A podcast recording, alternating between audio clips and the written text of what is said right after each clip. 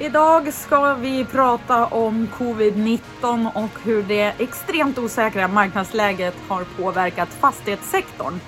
Och det ska jag göra med Lars Flööjen som är analyschef för europeiska fastigheter på Aberdeen Standard Investment.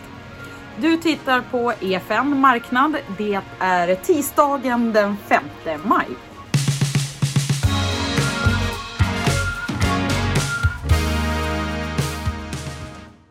Hejsan Lars Flåöjen från Aberdeen. Ni är dels en global aktieförvaltare men ni förvaltar också fastigheter för era kunder.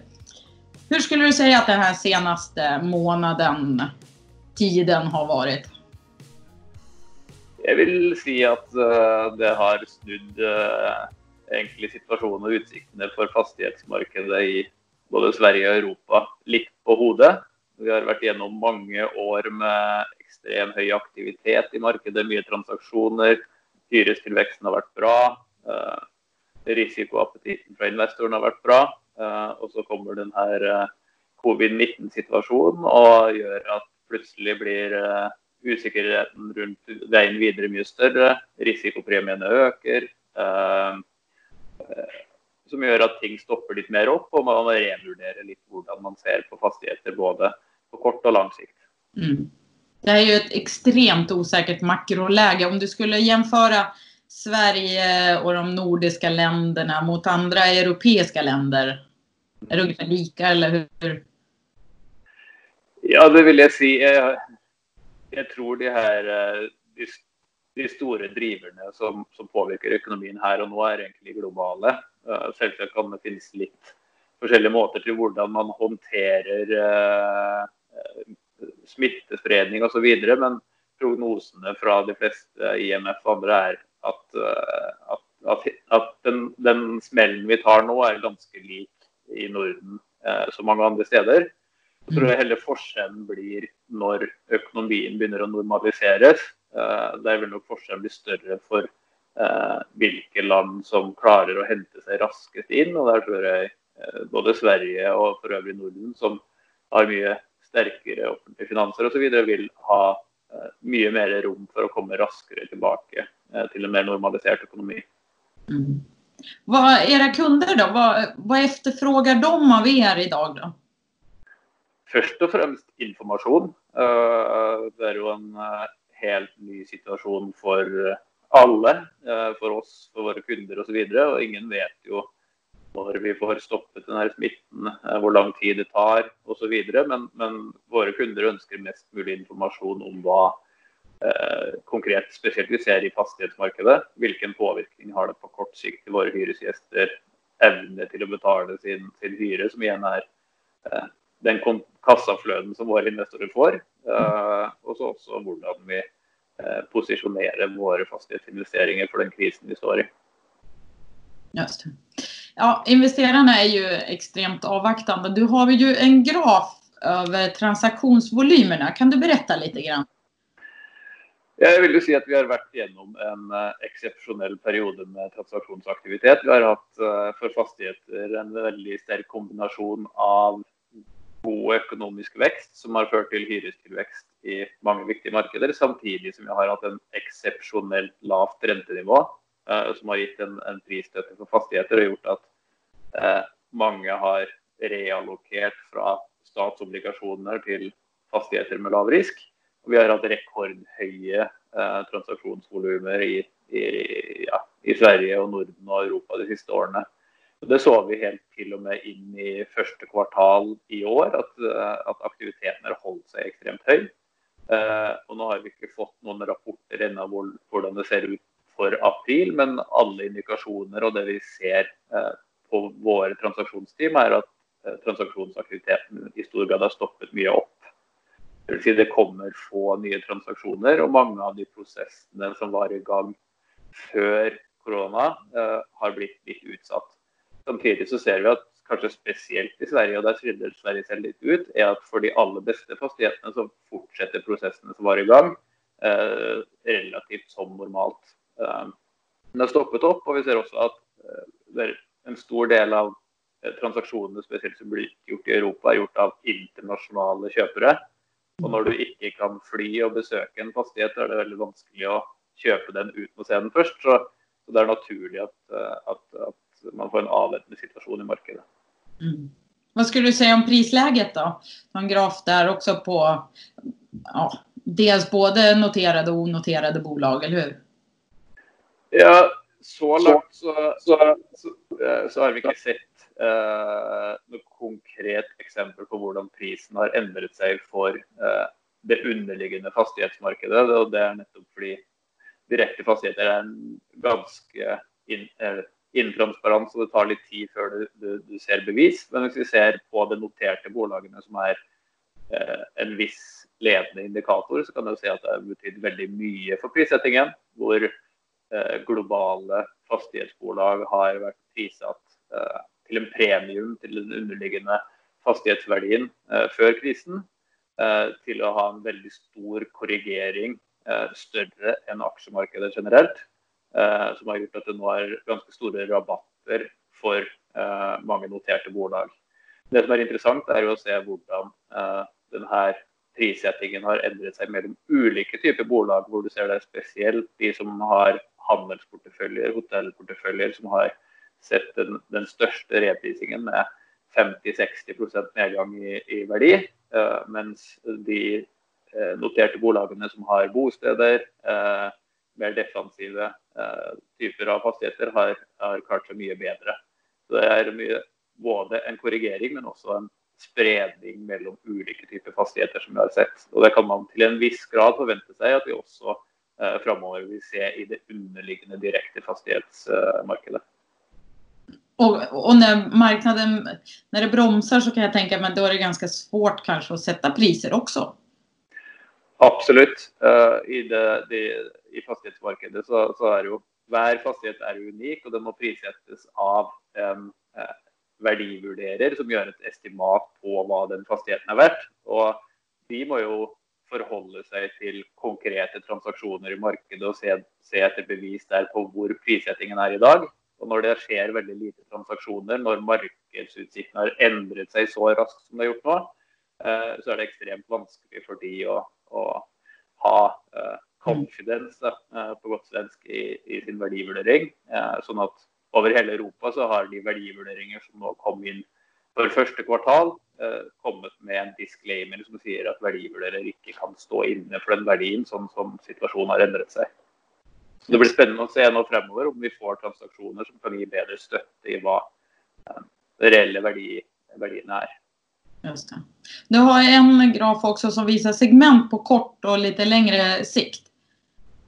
Ja, og det er her vi tror at uh, både kortsiktige uh, implikasjoner av den krisen vi er inne i, uh, men også de strukturelle endringer den krisen fører med seg, vil, vil, vil, påvirke ulike segmenter ekstremt forskjellig. og Det er også det vi så litt på de noterte bolagene, at, at, at spesielt handelseiendom og hoteller som naturlig har blitt stengt ned, mister sin omsetning.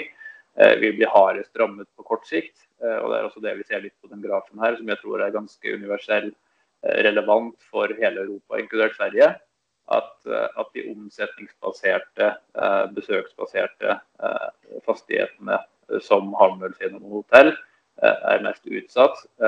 Og når vi tror, hvis vi ser det er to akser på den grafen her, når vi tror tror på den, den, horisontale aksen, som viser hvor lenge vi tror det er før et segment kommer tilbake til normalt. Så tror vi spesielt kjøpesentrum, eh, mange typer butikker, vil bruker ekstremt lang tid for å komme tilbake, fordi det var eh, en bransje som var under hardt press allerede før krisen, med trussel fra internetthandel, eh, endrede forbruksvaner osv. Så, videre. så vi tror spesielt handel vil ha ikke bare kortsiktig tøft, men, men langsiktig tøft. Eh, så tror vi Ja. Mm. Ja, jeg sa ja. og så tror vi i den andre hjørnet av hjørnet nede til venstre på grafen, så ser vi de segmentene vi tror eh, kortsiktig vil være minst utsatt. Og det er spesielt bosteder, hvor vi, vi har en veldig stor bostedsportefølje i hele Europa og, også i Sverige. og Der ser vi at så langt så klarer hyresgjest å betale sin hyre vi kan nok forvente at, at det blir noe flere som, som, som, som ikke betaler uh, hyren sin. Men vi tror at det er en ganske defensiv og god, uh, godt sted å være i fastighetsmarkedet. Også det vi kaller supermarkeds og dagligvarehandel. Uh, ser vi faktisk at omsetningen har gått opp i mange av våre fastigheter under krisen. Og så har vi også tro på logistikk, som vi også hadde før krisen, hvor vi ser at denne økningen i internetthandel som skjer nå, eh, akselererer behovet også for logistikk. Selv om det er et mer nyansert bilde med pros and cons for den, den segmentet, så tror vi også det er et segment som er mer attraktivt relativt til markedet totalt sett. Hur har de olika nordiska staterna stöttat eh, branschen och, och hur, hur har det tagits emot skulle du säga? Eh, eh, det er jo et ekstremt godt spørsmål når vi har fulgt eh, nøye. fordi Det viktigste for oss nå er jo å sørge for at våre hyresgjester klarer å overleve og ikke havner i en solventskvis. Og at de, de, kan være gode hyresgjester på, på, lang sikt. Men også at vi for våre investorer kan samle inn den hyren som trengs for, å, for at de skal få sitt, sitt utbytte. og Der har de nordiske statene vært ganske proaktive. Eh, mesteparten av de støttepakker som har vært gjort, har vært generelle, som har eh, for å stimulere til næringslivet, eh, som også er da våre hyresgjester. Eh, og det er viktig. Mer konkret så har bl.a. Sverige eh, eh, Deres måte å gjøre det på er å dekke halvparten av hyresrabatter som fastighetseierne gir til sine hyresgjester. mens Norge, Norge, og Danmark har hatt mer generelle pakker hvor bedrifter, selskaper som har måttet stenge ned eller har betydelig omsetningsfall, de får dekket eh, kontantbeløp for å betale en stor andel av faste kostnader, inkludert eh, hyrene. Eh, som gjør at eh, de vil være i stand til på kort sikt å betale hyrer til, til, eh, til fastighetseier. Mm.